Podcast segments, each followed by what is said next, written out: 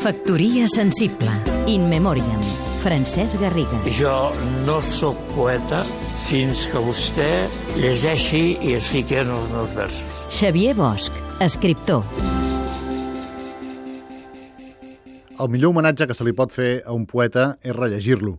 Així ho creia, si més no, el meu millor amic, que era el Francesc Garriga, i que es va morir el 4 de febrer als 82 anys.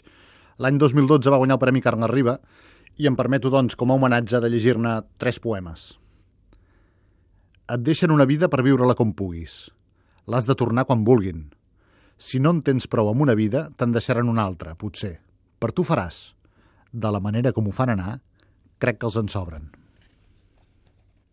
Els dies comencen a pesar, i els déus els volen joves. No serviré les copes al convit dels immortals. A mi l'atzar m'ha donat temps, no em fa vergonya confessar-ho. Més anys de flors, més anys de pluja, més anys de llàgrimes i riures, i temps d'haver pensat que tot es redueix a un xoc de ximples.